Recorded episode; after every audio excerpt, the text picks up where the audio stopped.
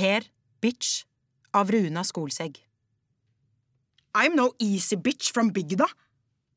Jeg har ingen sikkerhet, men hundre påbegynte masterutdannelser. Med mine to hender, med min kropp, har jeg skapt en karriere. Som Hercules wrestlet jeg med skjebnen. Og slangen. Og hydra.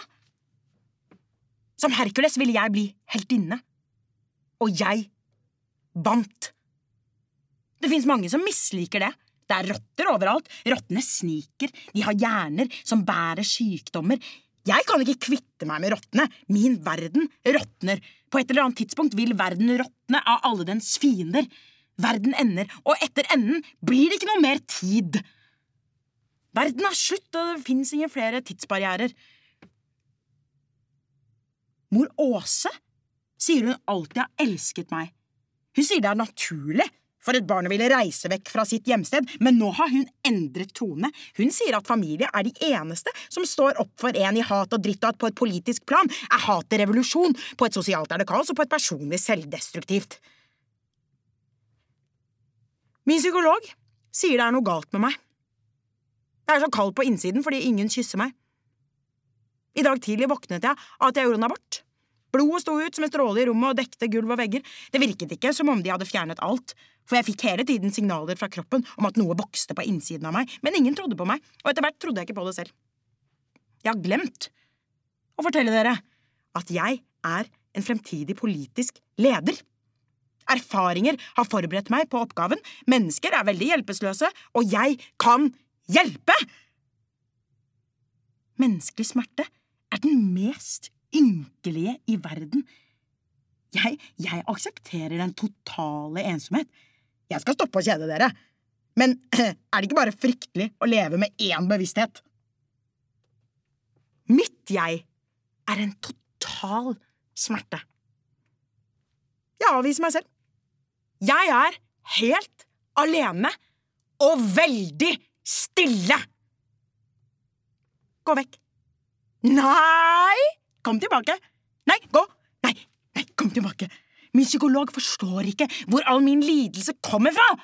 Hvorfor er jeg så selvmedliden og patetisk? Han spør om min mamma var slem mot meg, om jeg vokste opp uten far eller har blitt slått av systemet. Mitt kjøtt er helt råttent.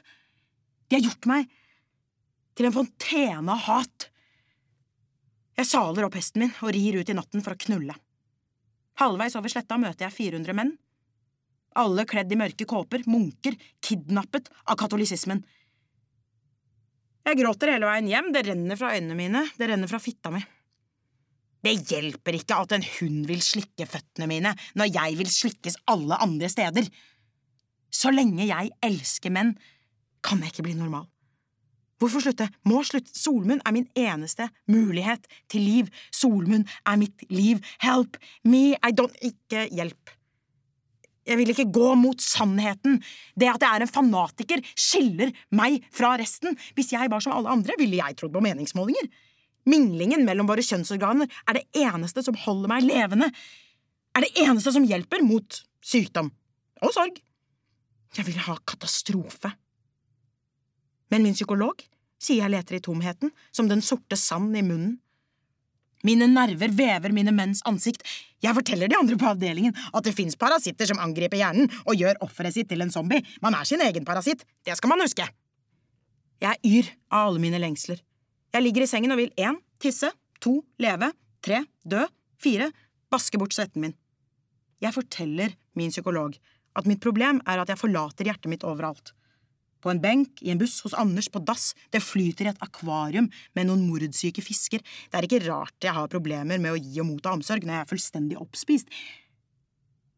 Ensomheten er en tom mage, sier mor også. Naturen er komplett, sier Solmund. Min psykolog sier jeg lider av for mye virkelighet. Jeg kan ikke prate. Min tunge er doven og varm i munnen, oppblåst av piller. Jeg kan ikke huske noe, min hjerne har kapitulert, sagt goodbye! Jeg orker ikke diskutere samfunnet, det er så kjedelig! Jeg forteller psykologen min at volden er en vugge jeg sender mellom meg og mine menn. Det er enklere enn å finne ord. De klebrer seg rundt kroppen som svette. Ord gjør meg klaustrofobisk, kanskje kvalm. Mor Åse skriver barneslaver sover på fiskenett i Gaza. Hva er verst, sultne barn eller en sultne hund? Marius-sjiraffen i København Zoo som ble drept og partert av sin egen hjelper. Plutselig begynner fiskeren å stille krav om hvordan jeg skal knekke nakken til fisken. Mine fingre er røde av blod og innvoller, jeg blir kvalm av hans stinkende ånde, som ser ut til å trives med å begå massemord hver dag. Naturen er sann, sier han, og ettersom kjærlighet er sympati og kommunikasjon, og jeg trenger et objekt som både er et formål og et objekt mot kjærligheten, hørte jeg på hva han sa. Fiskeren sa at alle kvinner som tar abort er gale, men han forstår ikke at min misjon i verden er å reise rundt og bitche. Jeg har kjent noen menn. Jeg har vært med noen menn. Jeg har tatt ganske mye dop, og noen har fucket over meg, men jeg har fucket mest. Jeg er den mest komplette og onde bitch. Mor Åse skriver et nytt samfunn trenger et nytt språk, og det kan være blod.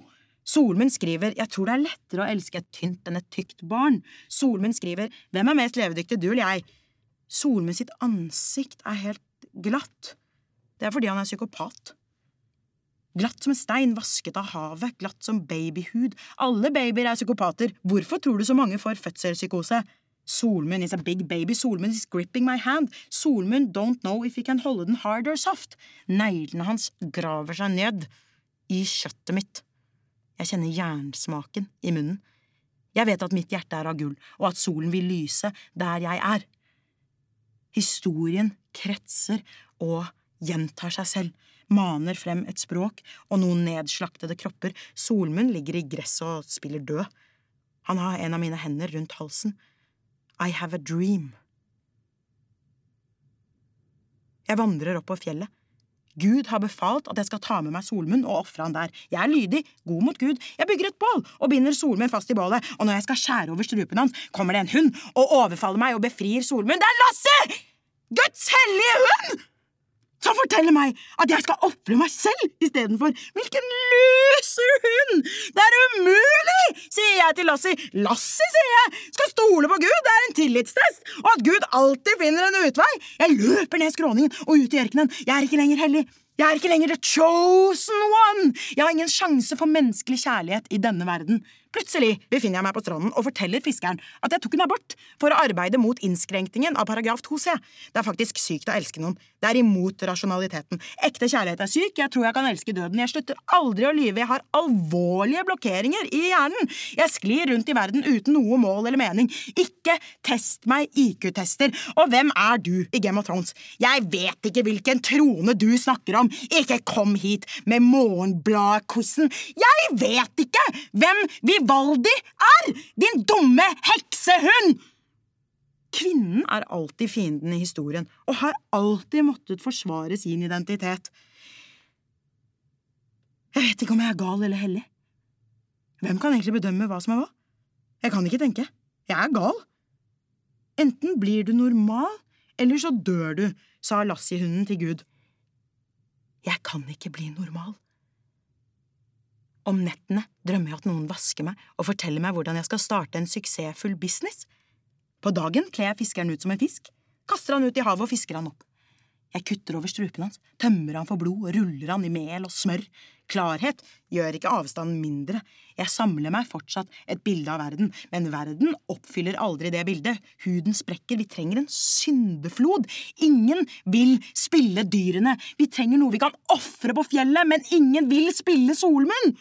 Mor Åse skriver at hun ga Solmunn Jordan Peterson til jul, og nå er det eneste hun hører, tolv regler for et fuckings fascismeliv. Mor Åse skriver at det er bedre å skyte bjørnen før man flår skinnet.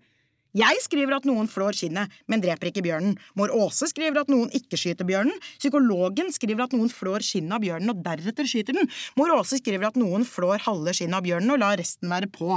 Solmunn skriver at noen dreper halve bjørnen, men lar resten av den leve. Psykologen skriver at noen dreper bjørnen, men glemmer skinnet. Jeg skriver bjørnen sover. Wittgenstein skriver ånden min fremstår ekstremt fragil. Jeg føler han. Jeg føler han.